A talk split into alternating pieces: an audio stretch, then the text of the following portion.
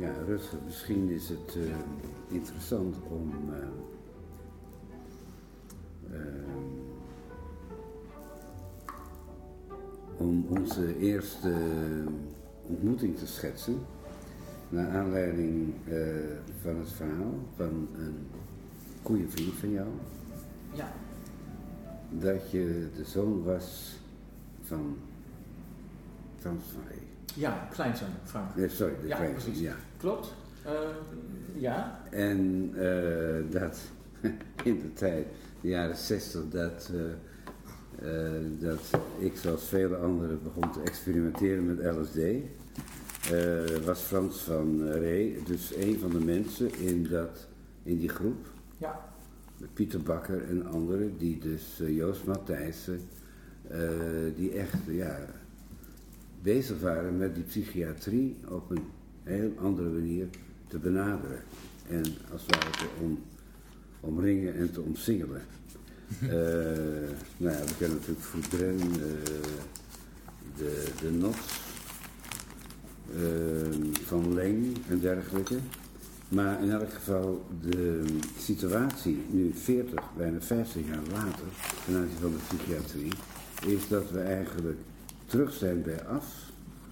En dat de farmacologische industrie een nog grotere macht heeft ontwikkeld over onze gezondheid en over de definities van, eh, ja, zeg maar, van mentale, emotionele gezondheid Ja. eh, dan eh, in die tijd het geval was. Toen zat het vast in oude schema's, maar de nieuwe schema's zijn wat mij betreft bijna net zo bedreigend. En misschien wel het meest bedreigende is, en dat is iets wat me steeds meer eh, passioneert, dat ehm, er een enorm gebrek is aan een meer samenhangende visie. Zowel in horizontale zin, waarin de belangrijke thema's toch met elkaar eh, in eh, gesprek kunnen komen, zoals het dan mooi heet, maar ook langs de loodlijn. Dus zeg maar, de, die rekening houdt met de gelaagdheid van het menselijk bewustzijn. Dus de mens is gelaagd. En ook een cultuur is gelaagd. En deze, dit uitgangspunt, wat ook in de psychologie en psychiatrie eh, totaal niet verbazingwekkend is, in tegendeel.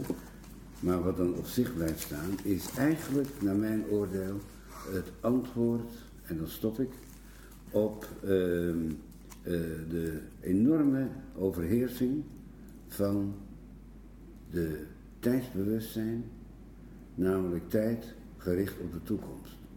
En mijn adagium is met dat van Pinterest, en Nietzsche heeft het ook weer herhaald, word wat je bent.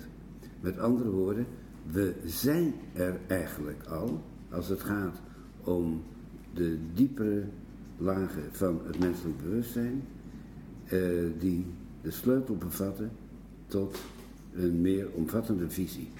Dus niet de toekomst, maar we moeten de diepte in. Mm, Je zegt, ehm, word wat je bent. En daar kan ik een paar voorstellingen bij maken. Je kan daarmee bedoelen. ehm, wat ik ook vermoed dat je wil zeggen over die tijd. Dat het, het huidige moment. eh, het, leven waard is of iets dergelijks. En, en waarschijnlijk wilde je trouwens ook zeggen dat het verleden eh, betekenisvol is, zo- zoals de toekomst ook, of zoiets. En niet alleen de toekomst dus. Ehm, maar goed, je kan dus- dus dat bedoelen, eh, in het huidige moment leven, zoiets dergelijks, om met een modeterm te praten. Maar wat er vaak, eh, wat er ook mee bedoeld kan worden, iets, iets wat ik vaak moeilijk vat, is ehm, alsof er een essentie zou zijn aan, aan wie jij bent. Hè? Als je zegt, word wie je bent, dan denk ik eh, nou ja, aan, aan, aan eh, altijd jezelf zijn en dit soort slogans. En dan vraag ik me af, wat, wie, wie, is dat dan die ik moet zijn of zo? Of hè, als ik in de rivier waad van mezelf, waar, moet ik dan een vast grond vinden en zeggen, oh dit ben ik blijkbaar of, zo. Dus ik, ik weet niet precies hoe je dat eh, bedoeld hebt. En misschien eh, maak ik nu een, heel eh, onterechte ka- ka- karikatuur van wat je wilde zeggen. Maar Ehm, als, als, als, als het, doel is jezelf zijn, dan kan ik daar weinig mee aan eigenlijk. En heb ik wel een, een, wat ik een mooie ehm, tegenwerking vond. Ehm, in een boek Beyond Shame van Patrick Moore, een, boek over de geschiedenis van de radicale gay scene in de, in de VS. Um, daar ging het, het zit al in de titel, shame, schaamte is een van de dingen waar hij het over heeft. En, en hij zegt dan, uh, hij bespreekt hij het idee van jezelf zijn of is er een essentie aan jouzelf? En dan zegt hij, oké, misschien is er geen essentie aan, je, aan, aan, jezelf, dus misschien kan schaamte je niet zozeer ervan weerhouden jezelf te zijn. Maar wat het wel kan doen, is je weerhouden uh, te worden wat je wat je kan zijn, zeg maar. Begrijp je? Dus dat maakt, dan haal je het weg van de essentie en laat je zien dat het bestaan een proces is. dus hij zegt, ik geloof dat het citaat ongeveer is: Shame is what keeps us, if not uh, from what we actually are, waarbij actually dan tussen aanhalingstekens staat, uh, but indeed from what we could aspire to be. Dus ja, ik zou denken dat dat idee van het bestaan als proces spreekt me meer aan dan het idee van jezelf zijn. Maar misschien heb ik je wel verkeerd begrepen. Ik hoop het. Ja. ik hoop het. Ja. Nee, het, het, er is waarschijnlijk nauwelijks een kwestie te noemen die tot, uh, ja, tot meer uh, interpretaties en dus over en weer mogelijke misverstanden kan leiden dan de notie tijd. Maar op het moment dat jij het woord proces gebruikt, ja. En ik aan het woord proces dan koppel, dat betekent of impliceert dan ook het begrip transformatie. Ja. Dan zijn we in zekere zin terug bij de oeroude wijsheid, zoals in het Corpus Hermeticum, waarin staat dat de meest algemene universele wetmatigheid die er überhaupt is, die van de transformatie is. Ja, uh, het is ook de wet van behoud van energie. En het wil dus zeggen dat ehm, er, uh, zoals bij Herakleitos, het pantarij, dat misschien wel de essentie van ons bestaan juist is dat het een permanent worden is, maar dat permanente worden is geen negatie van het permanente zijn. Het zijn dat zelf de bron is of identiek is aan ruimte, en ruimte is weer identiek aan tijd, als je de zaken goed doordenkt, naar mijn oordeel dan is dus er geen tegenstelling meer tussen uh, de notie transformatie, proces en de notie werkelijkheid.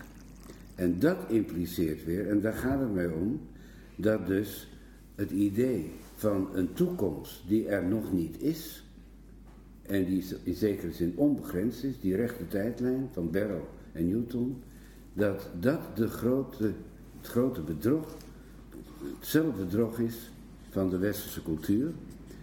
Het heeft ons enorm geholpen om te geloven in vooruitgang. Maar het is een blind vooruitgangsgeloof, omdat we de vrijheid die we daaraan koppelen in, en op de toekomst projecteren als een nog grotere vorm van vrijheid, omdat dat een leeg concept is. Het is namelijk nog gekoppeld aan ruimte en het is niet gekoppeld aan, zo te zeggen, de allesomvattende werkelijkheid. Dus samenvattend, naar mijn oordeel zouden we moeten uitgaan van de notie van ruimte als de allesomvattende werkelijkheid, ook al kunnen we die heel nadrukkelijk niet bevatten. En daarbinnen spelen zich de processen af. Die werkelijkheid is ruimte in beweging. Strooien. Even kijken, je hebt het gehad over uh, of de mens uh, in staat is de, de dingen omvatten. Zoals ik het goed samenvat, of, uh, de, zaak kunnen begrijpen. Um, daarvan, zowel ik jouw praatje als wij in het algemeen de, ehm, het ding. We mogen best onder de indruk zijn van wat we er wel van vatten en hoe aardig we er een aantal modellen op kunnen leggen. maar er is in wezen geen reden om te vermoeden dat we de zaak kunnen samenvatten of omvatten of uh, et cetera. Dat is een deel van, van, van wat er voorbij kwam in je verhaal.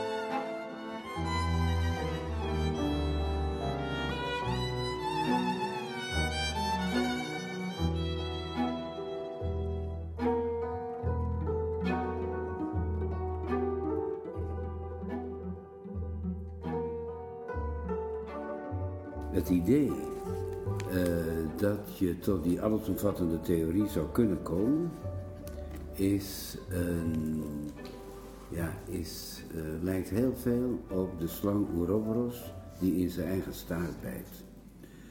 En de vraag, het verlangen van na die theorie, laten we dat even afsplitsen van het mogelijke resultaat. Hè? Mhm. Nou, dan zou dus het verlangen naar die allesomvattende theorie een manifestatie zijn van een hele diepe intuïtie dat alles wat bestaat met elkaar samenhangt.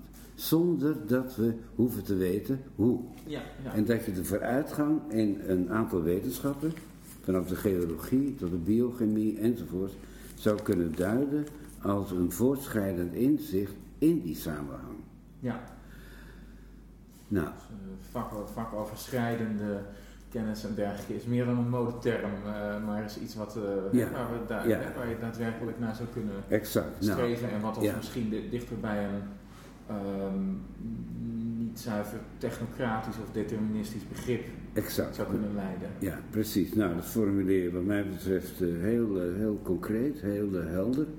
En dat wil dus zeggen dat als we teruggaan naar de oude filosofieën, om die te gebruiken als een spiegel voor onze huidige situatie, dat of je dan, uh, ja, men spreekt over de taal bij of over het zijn bij Parmenides, of over uh, het godsidee als alles omvattende eenheid in de islamitische notie van Tawhid, God als eenheid, dan zouden wij op dat idee kunnen komen, of dat idee nastreven, vanuit dat aangeboren verlangen naar die kosmische samenhang waaruit we zelf voorkomen en onontkoombaar in terugkeren. En dan krijg je een heel ander verhaal over uh, het zinnetje van Pinterest en Nietzsche Word wie je bent, want dan slaat dat je bent niet op een essentie, zoals je aanvankelijk zei, ja. hè, nog op de notie ik, in tegendeel bijna, mhm. maar dan slaat het op de bron waaruit je voortkomt. Ja. Ja. En uh, dan zou dus eigenlijk wetenschap, in de richting dus van de snaartheorie, van die allesomvattende theorie, zou dus, dus eigenlijk parallel zijn aan datgene wat vanuit mystieke teksten in alle mogelijke tradities en ook via de psilocybine ervaringen van een Joost van den Toren of via de ayahuasca ervaringen die veel mensen hebben en die dus voortdurend dat gevoel oproepen van een meer omvattende eenheid of samenhang. Je bent in zekere zin alles en je bent niks. Dan zouden dus die twee sporen elkaar gaan raken. En dan ligt dus het verhaal van de volmaakte mens. En die term volmaakt moet je ook maar doorschrappen dan. Maar ligt dan niet primair in onze toekomst, nabije toekomst, maar die ligt in dat zelfonderzoek. Ja. Of, of, je dit nu, ja, of je dit nu uiteindelijk in verband kan brengen met het, uh, met bijvoorbeeld uh, exacte wetenschappen. Um, ik vermoed eigenlijk dat dat het beste werkt op een, op een poëtisch niveau, zeg maar, of op een mystiek niveau. Maar ik kan niet nagaan, dus dat zie ik wel, de, eh, dat je in, het, in een veld met gras kan liggen en je opgenomen voelen door het geheel. Um, een mystieke ervaring, zo je wil, en, en, en, en je dat op dat moment uh, kan verbinden met je idee over, uh, met mijn uh, zeer beperkte begrip van snaartheorie en dergelijke zie ik wel, maar over het omgekeerd bekeken vanuit die exacte wetenschappen ook zo werkt, dan heb ik simpelweg niet voldoende kennis voor. Dus nee. ik, ik kan dat ook wel zo aanvoelen, maar mm. of het zo, of, of dat hout snijdt, kan ik niet goed, kan ik niet goed overzien. Ehm, je zou kunnen zeggen, ik maak handel gebruik van uh, zeg maar de, de, de, de, de grote verlangen naar die uh, allesomvattende theorie. Uh, de grote puzzel is dat je probeert om jezelf te overstijgen die cirkel als in een slakkenhuis helemaal rond te krijgen. Maar het feit dat je dat aan het doen bent, maakt het onmogelijk om het te voltooien. En dan kom je dus terug bij het hele oude inzicht van het niet zijn als essentie. Ja. En ehm, ehm, ook wat jij nou vertelt doet mij denken aan een ontmoeting in 1980 in de omgeving van Kandy. Dat ligt in het hart van Sri Lanka. Bij een boeddhistische monnik. Van origine een Duitser, geboren in 1900. Die in de jaren 30, ik geloof 1936, eh, dus ook in de tijden nog van, van Hitler en de Anschluss van Oostenrijk, vertrokken is het Oostenrijk naar Sri Lanka en daar een monnik is geworden. Ja. Nou, deze man, die heb ik dus eh, een seance mee mogen maken. Nou, ik stelde ongeveer diezelfde vraag over het zelf en het ik. Alles wat jij zojuist zei, stelde ik aan hem. Alleen, ik zei erbij, Tera, laten we het niet hebben over het kleine zelf, want daar weten we in het Westen alles van. Hmm. Daar hebben we heel veel last van. Maar wat vindt u van de notie Atman? Ja. En Atman betekent dus Sanskriet, et. Ja, het grote zelf, ja. Ja, ja. Allesomvattende zelf. ja. En weet je, weet je wat hij antwoordde? Nou, I believe it is only enlarging the problem. oh, grappig. Ja. Dus hij ging uit van een absoluut idee van non- non-ego of zo gebruiken, als ik de goede term daar gebruik. ja, ja, ja, Eh, zoiets, ja. eh, Nou moet je natuurlijk het woord, opheffen ja, of zo. dan moet je het woord absoluut maar laten vallen, maar eh, Ja, ja, in ja. zekere zin wel, ja. Nou, ik moet je zeggen, het waren nog een paar kwesties, maar dit was dan wel, eh, zo te zeggen, dat kwam echt binnen bij me als zo, dan zit hij me nou te belazeren, wat, wat is hier aan de hand, enzovoort. Ik heb er drie dagen over nagedacht. En eh, dus je mag wel zeggen dat hij succes heeft gehad met zijn opmerking. Als je daar dan in alle drie dagen mee rondloopt. En ehm, nou, ik heb daar twee dingen van geleerd. Eh, ten eerste dat eh, onze taal grenzen kent, hele duidelijke grenzen. Want als jij het woord absoluut gebruikt en ik het woord het grote zelf. En hij zegt weer dat ook dat niet bestaat. Ja. Eh, dan spreken we ongelooflijk grote woorden uit. En we zitten te cirkelen precies om die kwestie waar we dus eigenlijk naar zoeken als het gaat om die snaartheorie. Dat omvattende kunnen we niet vatten, maar we zijn er, naar mijn inzicht, wel onderdeel van. En dan dringt zich de vraag hoe kun je daar zo zeker van zijn? Bij mij is het gegroeid niet meer van een soort eh, tentatieve vraag, maar naar een inzicht waarvan ik zeg dat ik de portée ervan niet kan vatten. ja. De portée is te omvattend om, zo te zeggen, zelfs de term het grote zelf te mogen gebruiken.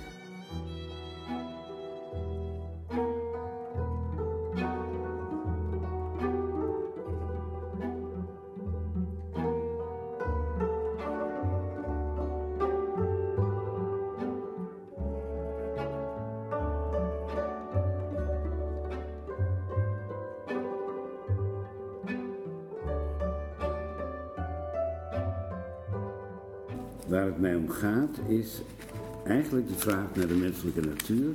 ja. Wat is die bron, wat is die mentale, emotionele eh, capaciteit waarmee elk kind, hè, een beetje gezond kind, ter wereld komt. Waar ook ter wereld. Kortom, wat is die essentie van, eh, van menselijkheid? En dat zit voor mij dus, eh, is daar een soort theorie omheen gegroeid. Oh ja.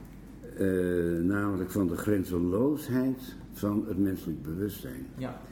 En het is die grenzeloosheid waardoor wij kunnen liegen, waardoor wij ons ongelooflijk kunnen vergissen. Het kan ook zijn dat wij dus ettelijke dwaasheden vertellen aan elkaar. Ja, zou zomaar kunnen. Maar dat, dat, het bijzondere juist van dat vermogen tot liegen en van die dwaasheden is dus dat onze ideeën niet samen hoeven te vallen en vaak niet samenvallen met het bestaan zoals dat het geval is zonder onze ideeën. En als we nou een dier of een plant definiëren als hetgeen dat samenvalt essentie en existentie vallen samen, dan zou je kunnen definiëren dat het bijzondere van de mens is dat zijn essentie en existentie niet 100% samenvallen. Daar zit een gat, daar zit een spagaat. En het is onze grootheid en het is de bron van ongelooflijk veel ellende. Ja. Van de holocaust, van, je noem, noem, noem maar wat je noemen wil.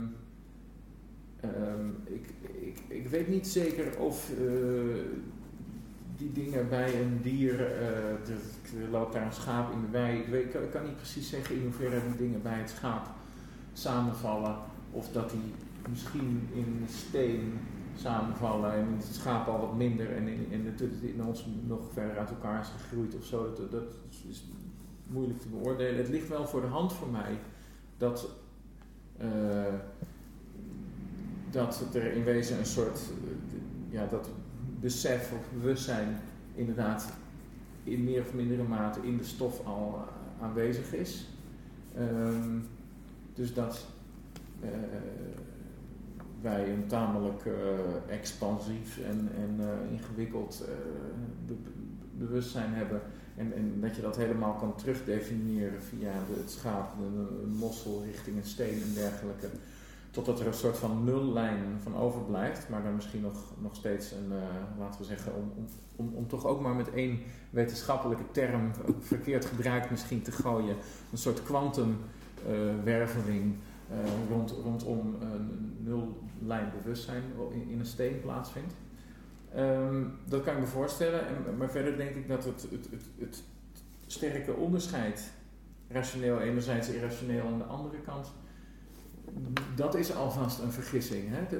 Dus dan uh, zo, het idee dat de mens boven de natuur staat als in tegenstelling tot onderdeel ervan is. U merkt het bij mezelf ook wel eens. Ik zeg, zelfs, heb het soms, soms ook wel eens over dieren, bedoelende andere dieren dan wij zelf. Hè? Dus zo zijn we geneigd te denken. Maar we zijn natuurlijk ook uh, dieren. Hè? Dus die, die, die strikte scheiding mens versus dier, rationeel versus irrationeel, uh, uh, ratio versus emotie bijvoorbeeld en, dergelijke. Dat is natuurlijk al een vergissing. Om met een naam te gooien, een, de, de vergissing van Descartes, zeg maar. Dan begrijp je dus. Dat lijkt me sowieso iets om op te heffen. Daar zal je het ongetwijfeld ook mee eens zijn, zo jouw, inschattende. Um, ja, dat over het rationele versus het irrationele.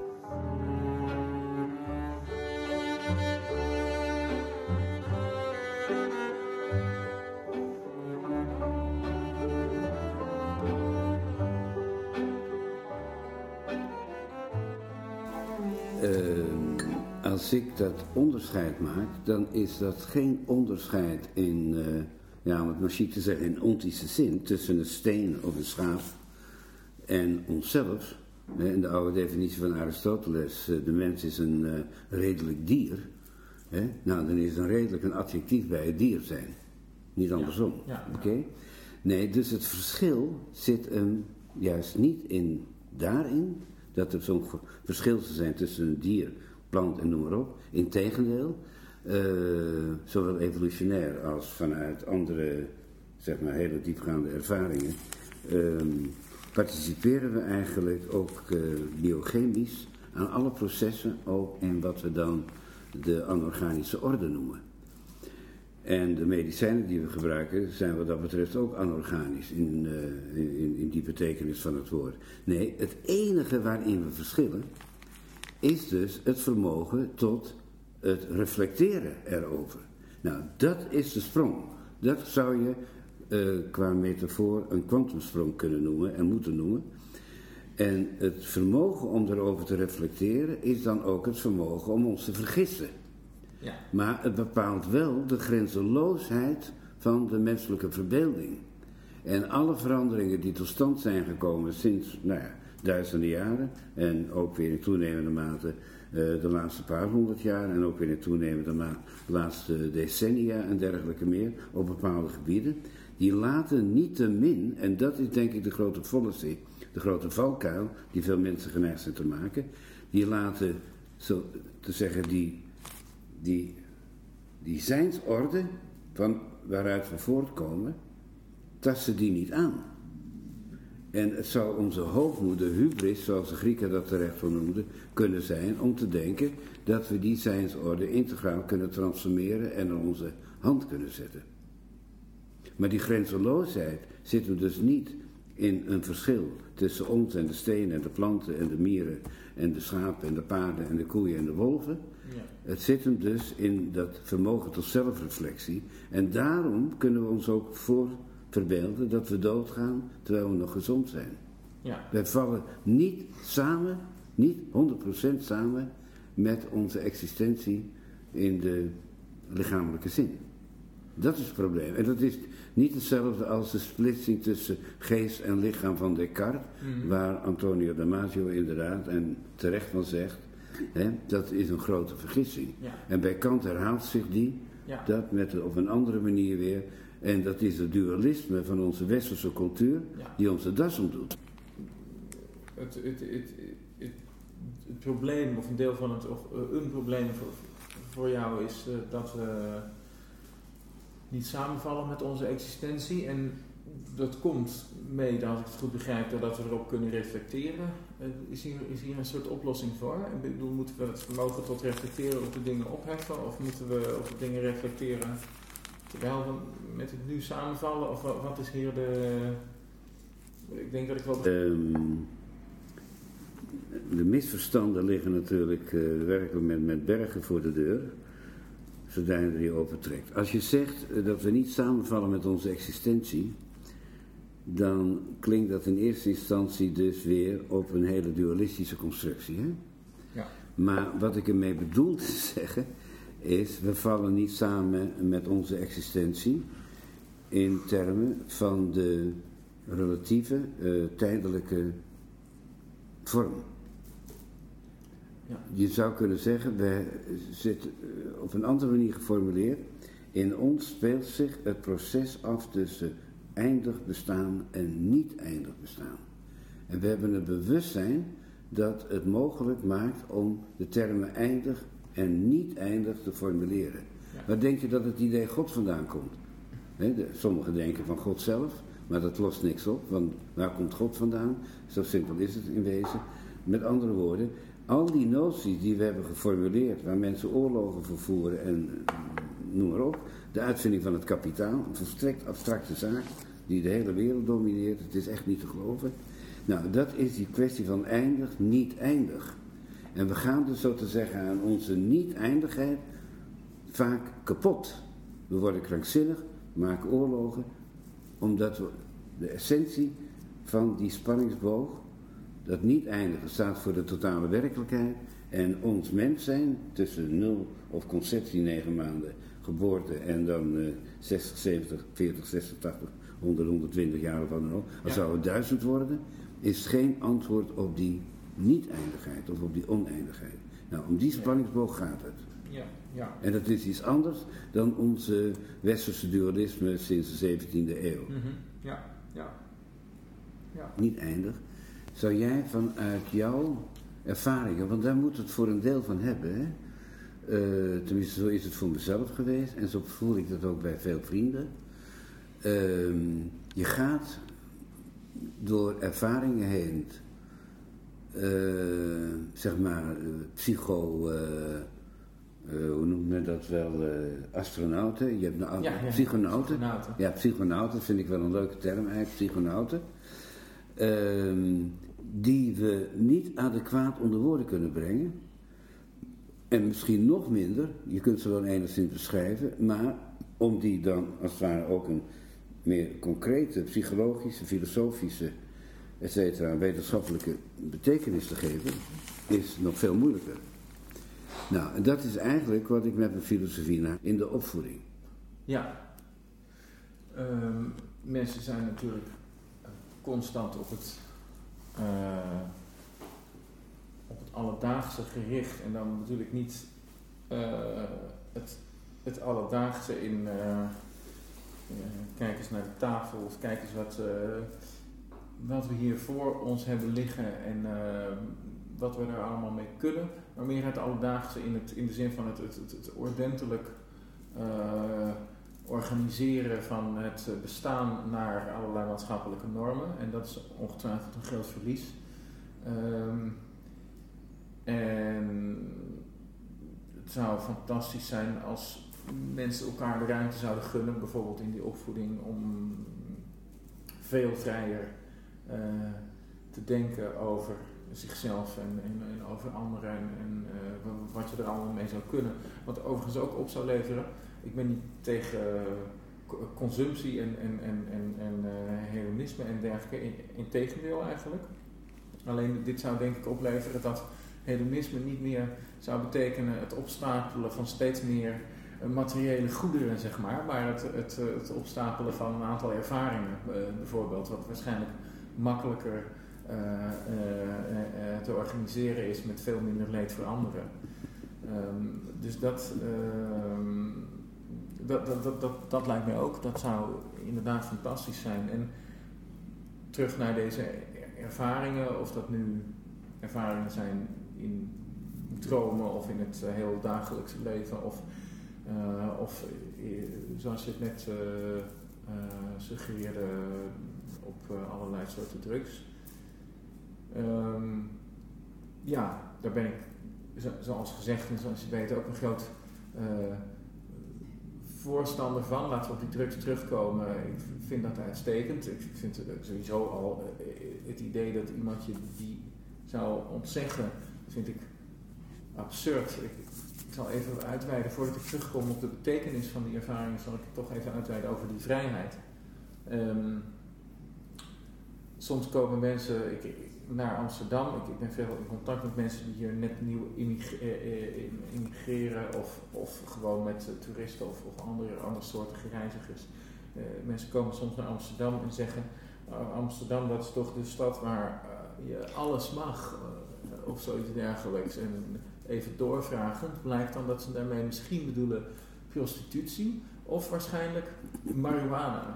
En nou, nou, nou denk ik, Um, over prostitutie zit heel ingewikkeld, omdat uh, enerzijds het verbieden meer ellende oplevert dan er nu bestaat. Dus ik, ik, ben helemaal niet voor een verbod. Ik vind het goed dat dat kan en dat mensen daarvoor moeten kunnen kiezen. Anderzijds is de huidige praktijk er een van grote ellende. Dat thema daar gelaten, de marihuana, daar ben ik zeer voor. Dus dat ligt niet zo dubbel als met die prostitutie. Nee, uh, marihuana is fantastisch. Dat moeten mensen vooral doen. Alleen, en bovendien, ehm, als iemand het je wil ontzeggen, dan is, dat een, dan is dat volslagen absurd. Daarom ben ik er dus ook niet dankbaar voor dat het mag of zoiets dergelijks. Nee, het, het, het omgekeerde is het geval als iemand je dit soort dingen wil ontzeggen. Dan is dat een kwaad in plaats van dat het een goed is dat het wordt toegestaan.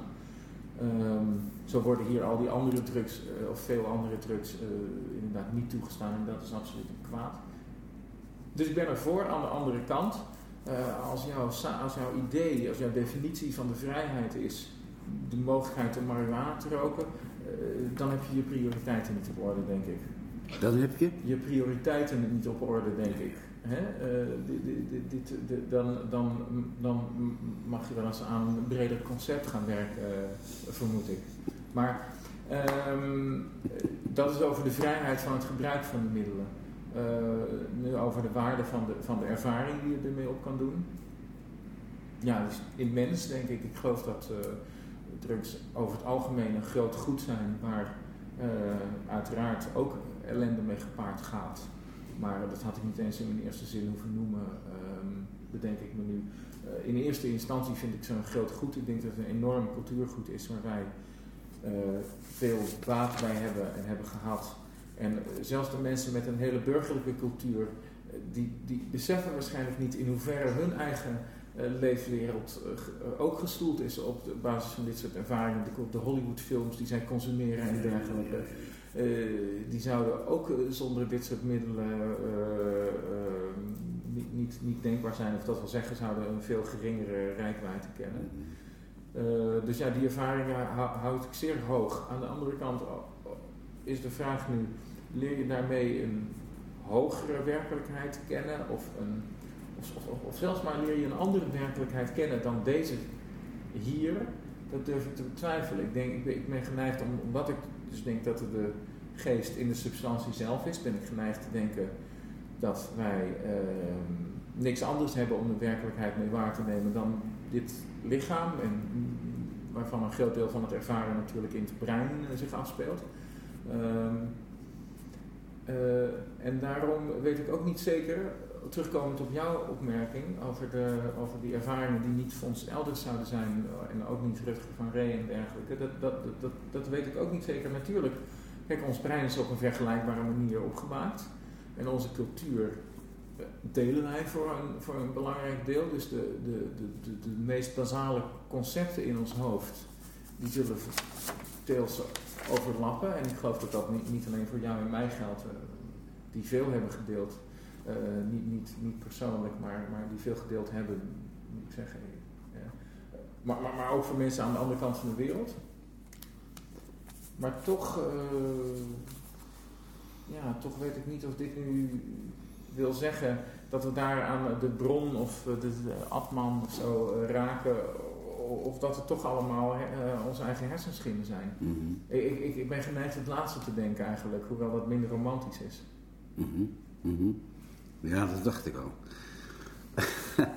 um, maar ik heb, naar aanleiding van, van wat je nu zegt, twee kwesties. Maar dat zijn twee verschillende kwesties.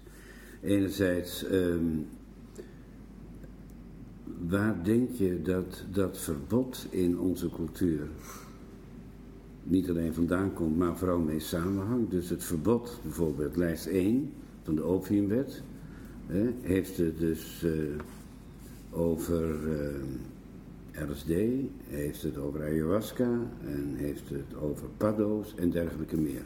En hoe komt dat? Terwijl dat in heel veel oude culturen, en ik heb bijvoorbeeld zelf opium gebruikt in Irak en in het oosten van Iran. Uh, en daar is het ook verboden, let wel, het is bijna overal verboden waar je een staat hebt, maar onder de mensen niet. Midden in de Sahara Hè? Er wordt kif gerookt. Hè? En de Algerijnen roken dan s'avonds die kif. Toen wij daar door de Sahara trokken, 2000 kilometer. Maar officieel was het ook verboden. Nou, hoe komt het dat wereldwijd, en mede onder leiding van de Amerikanen, juist dit soort middelen wordt verboden, in tegenstelling tot alcohol en de zeer verslavende tabak en dergelijke meer? Dat is eigenlijk één vraag, maar die parkeer ik even, omdat ik de andere kwestie van het laatste wat je zei over uh, zeg maar, ja, dat denken over die diepere samenhang, die diepere eenheid, waarbij je dan woorden gebruikt als enerzijds brein, dus onze hersenen, anderzijds zelfs het woord substantie gebruikte, wat niet helemaal onze plek is als je ook de procestheorie radicaal uh, belichaamt. Nee, nee. Maar uh, het woord cultuur is in dat opzicht, dat gebruikt hij ook, denk ik, veel adequater. Ja. En ik denk dat het uh, dat we een onderscheid moeten maken in de betekenis en de rijkwijde van enerzijds wat we dan maar heel, uh, ja, als echte leken en geen uh, hersenspecialisten onze brein noemen, maar zeg maar onze mentale vermogens, laat ik het zo zeggen, enerzijds en onze cultuur anderzijds.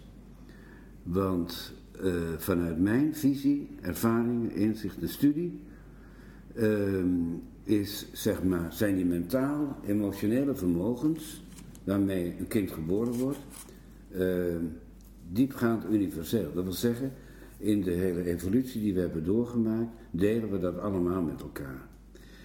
In tegenstelling tot die cultuur, die dus een manifestatie daarvan is, maar ook tegelijkertijd een inperking.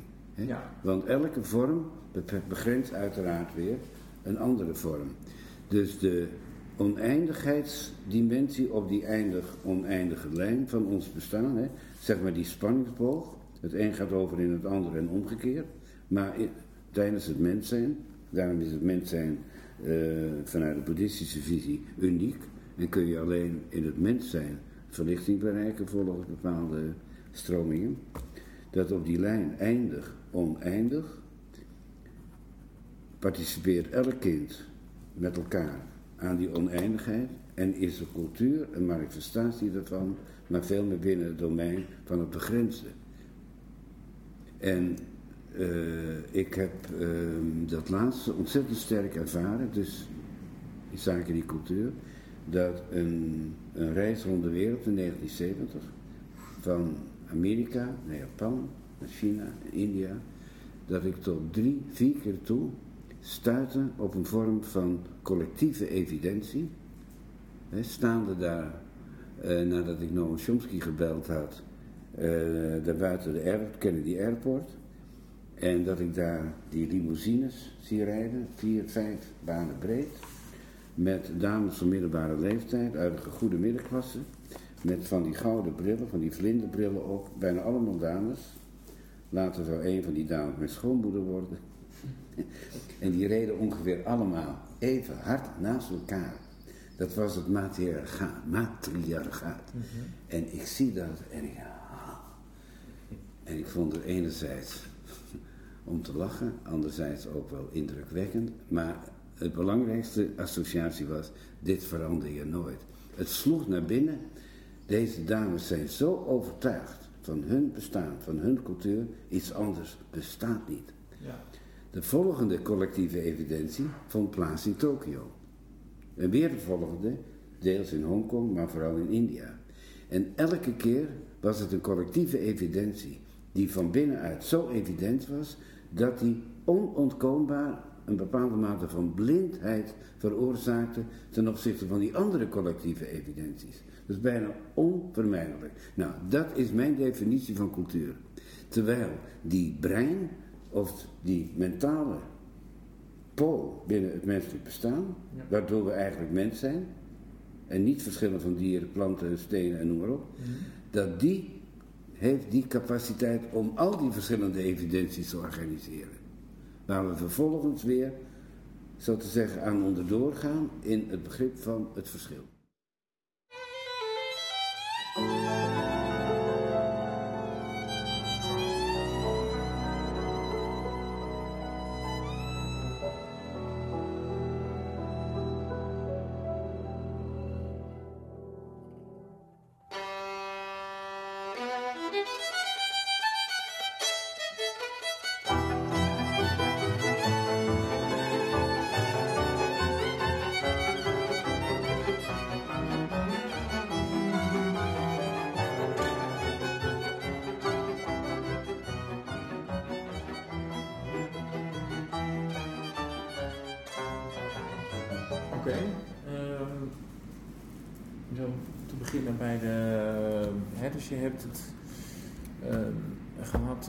over uh, het, het, verbod op uh,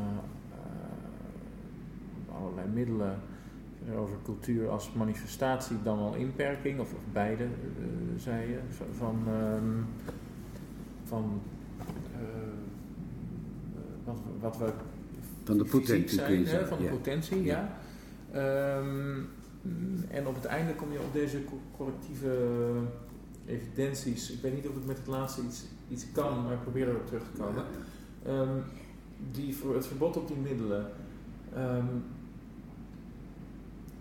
hoewel ik daar lang mee bezig ben geweest, het is nu minder mijn uh, centrale hobby. Ja. Het is een van de dingen die, die, die, ik heb gedaan en het heeft nog steeds mijn warme interesse, maar uh, um, ben er misschien wat minder actief mee bezig hoewel ik er lang mee bezig ben geweest, weet ik niet precies waarom dat verbod tot stand is gekomen. Een deel eh, van de zaak is ongetwijfeld, als we binnen het thema blijven, de, uh, het feit dat de ratio zo hoog gewaardeerd wordt. Um, en men dus het technocratische, het deterministische, het rationele, het lineaire, wat traditioneel als masculien gedefinieerd is, hoger waardeert dan alle tegendelen daarvan. Uh, dus uh, verlies van controle wordt met angst bezien in, wat je, weet ik veel, de westerse cultuur zou kunnen noemen of zo. Uh, en dat is ongetwijfeld een deel van de reden waarom dat verbod zo'n succes heeft gehad. Of, of, of deze angst echt de reden voor het verbod is, dat betwijfel ik. Want ik weet niet hoe diep die angst is. Zijn de beleidsmakers nou doodsbang voor onze drugservaringen? Dat denk ik eigenlijk niet. Dus waarom mm-hmm. deze oorlog wordt voortgezet, uh, uh, waarbij wij niet de slachtoffers zijn, maar de mensen in Colombia en dergelijke. Waarom deze oorlog wordt voortgezet, weet ik niet precies. Maar ik, ik kan, denk wel dat hij kan doordenderen, dat we hem toestaan door te denderen vanwege dit, deze angst voor controleverlies en dergelijke. En het, het, het overwaarderen van al deze zogenaamd rationele aspecten boven de irrationele. dus dat heeft er ongetwijfeld mee te maken. Of de kern van de zaak is betwijfel ik. Je had het ook nog over dit soort middelen.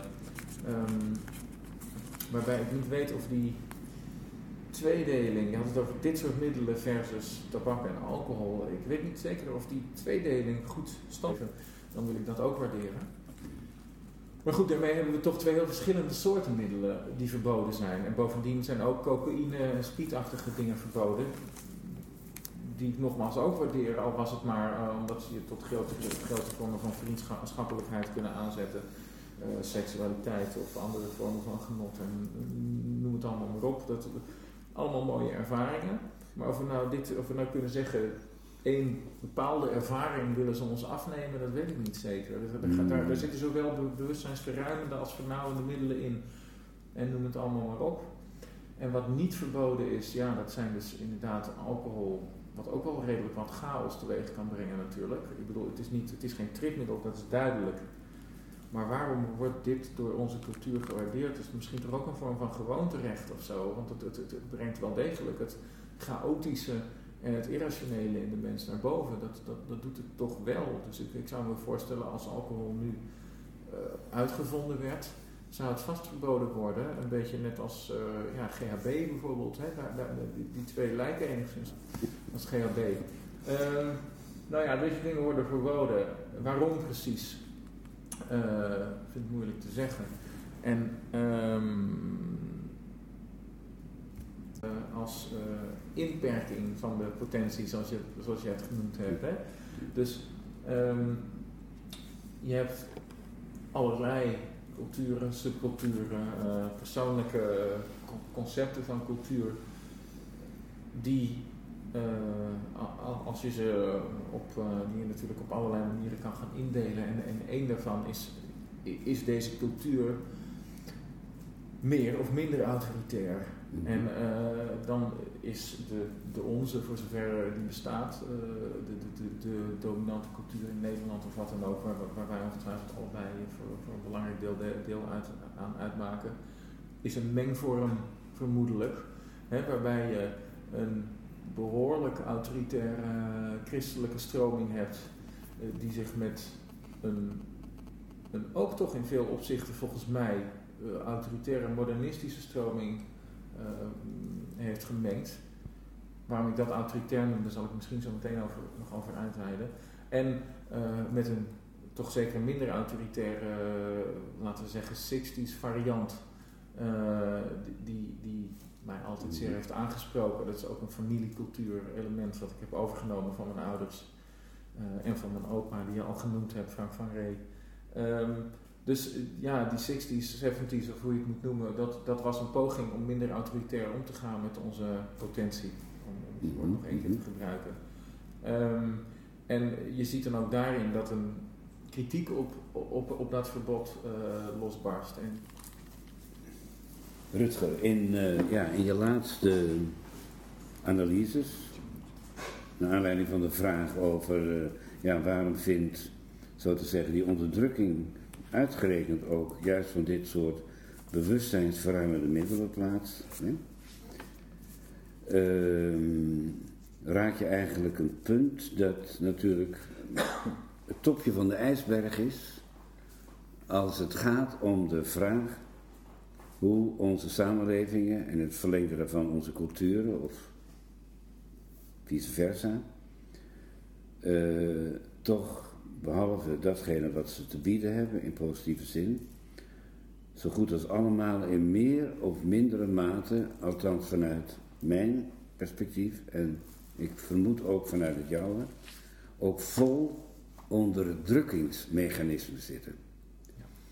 En om dat ontzettende complexe probleem uh, ja, ietsje toegankelijker te maken, ben ik geneigd naar aanleiding van jouw verhaal Marx te citeren, die in het Communistisch Manifest, als ik me goed herinner, januari 1848, uh, eh, schrijft dat monogamie en prostitutie, en je noemde de prostitutie, elkaar veronderstellen.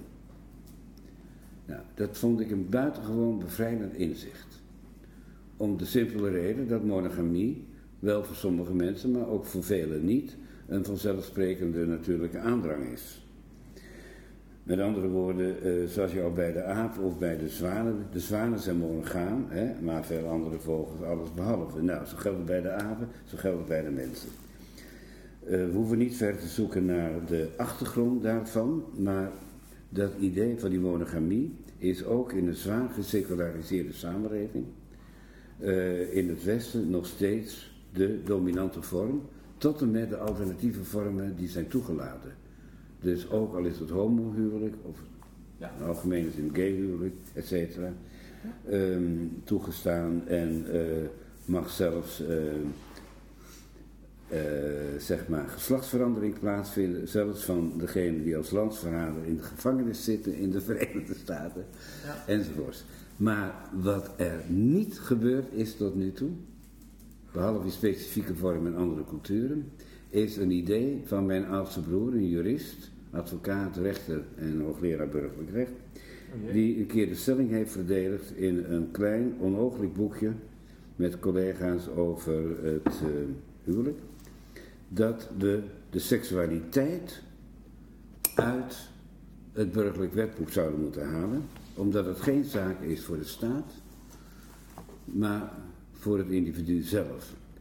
En op het moment dat je de seksualiteit eruit haalt, uh, blijft uh, nuttig en noodzakelijk om de relaties, een meer duurzame relatie tussen mensen uh, te regelen. Dus dat rechten en plichten elkaar over en weer in balans houden. Nou, een dergelijke opening opent de weg tot diverse vormen van samenleven. Ja. Dat kan polyandrie zijn, een vrouw heeft meerdere mannen, of het omgekeerde, et cetera. Um, en uh, dat zou een dusdanige bevrijding zijn, ook in fundamenteel culturele zin, dus dat allerlei samenlevingsvormen die in andere culturen van oud bestonden, daarmee een zekere bestaansrecht uh, krijgen, dat zou vanuit het Westen bezien een meesterlijke zet zijn om, zo te zeggen, de, de andere culturen te overtuigen dat wij inderdaad nu met iets komen dat bevrijdend is universeel en particulier tegelijk. Goed, dat gezegd hebbende, uh, denk ik dat we niet blind moeten zijn voor het volgende. Uh, zoals Nietzsche ergens schrijft, en dat is natuurlijk helemaal geen unieke, unieke gedachte, uh, zijn wij er als individu eigenlijk voor de soort. Dat is natuurlijk een gedachte uit biologische traditie. We zijn eigenlijk, moeten we, dient de soort voor te bestaan. En de regulering daarvan en het omgeven met allerlei uh, ja, uh, ceremonieën, rituelen en verplichtingen ook tot nageslacht, vandaar ook de dominantie van de heteroseksualiteit, heeft dat mogelijkerwijs, biologisch gesproken, als achtergrond.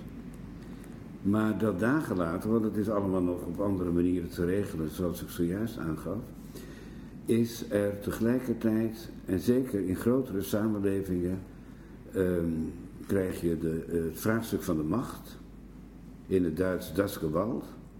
En die machtsstructuren die manifesteren zich naar twee kanten.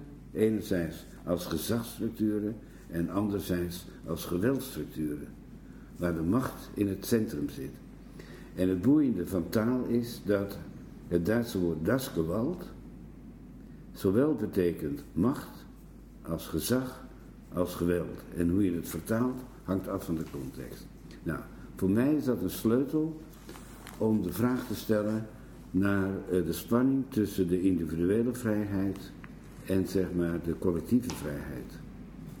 En in de mate dat je voor je voortbestaan, en dat geldt ook nog in een supermoderne samenleving, ben je volledig afhankelijk van elkaar. In die mate is het voor de hand liggend dat men dat collectieve belang van het voortbestaan als het niet vrijwillig gebeurt, zoals in kleinere gemeenschappen, zoals bij de Dogon, zoals ik dat meen te hebben kunnen waarnemen. Maar in grote complexe gemeenschappen met steden met miljoenen en miljoenen mensen, uiteraard ook gebeurt via verborgen en minder verborgen uh, maatregelen. En desnoods met geweld en dwang. Ja.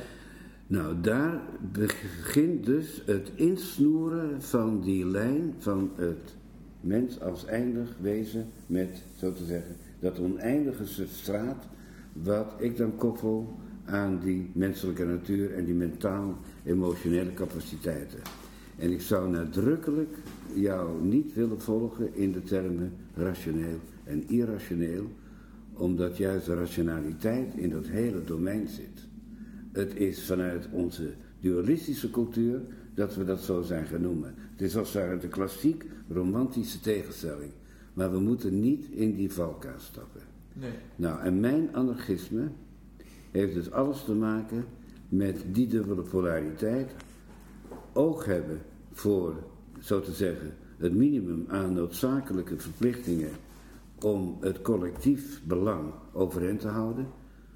Introduceer we de notie gelijkheid en rechtvaardigheid, dan weet je ongeveer waar ik op doel. En anderzijds die notie van die vrijheid, om dat maximaal gebruik te maken van de menselijke capaciteiten en het steunen van wat uh, Sen, de Indiaanse econoom, noemt de opvoeding tot capabilities, of het gebruik maken van de vermogens van elk kind uh, tot, zo te zeggen, voor eigen heil en dat van de gemeenschap. Dat is mijn, in een notendop mijn definitie van het anarchisme. Het is een balans tussen die polen.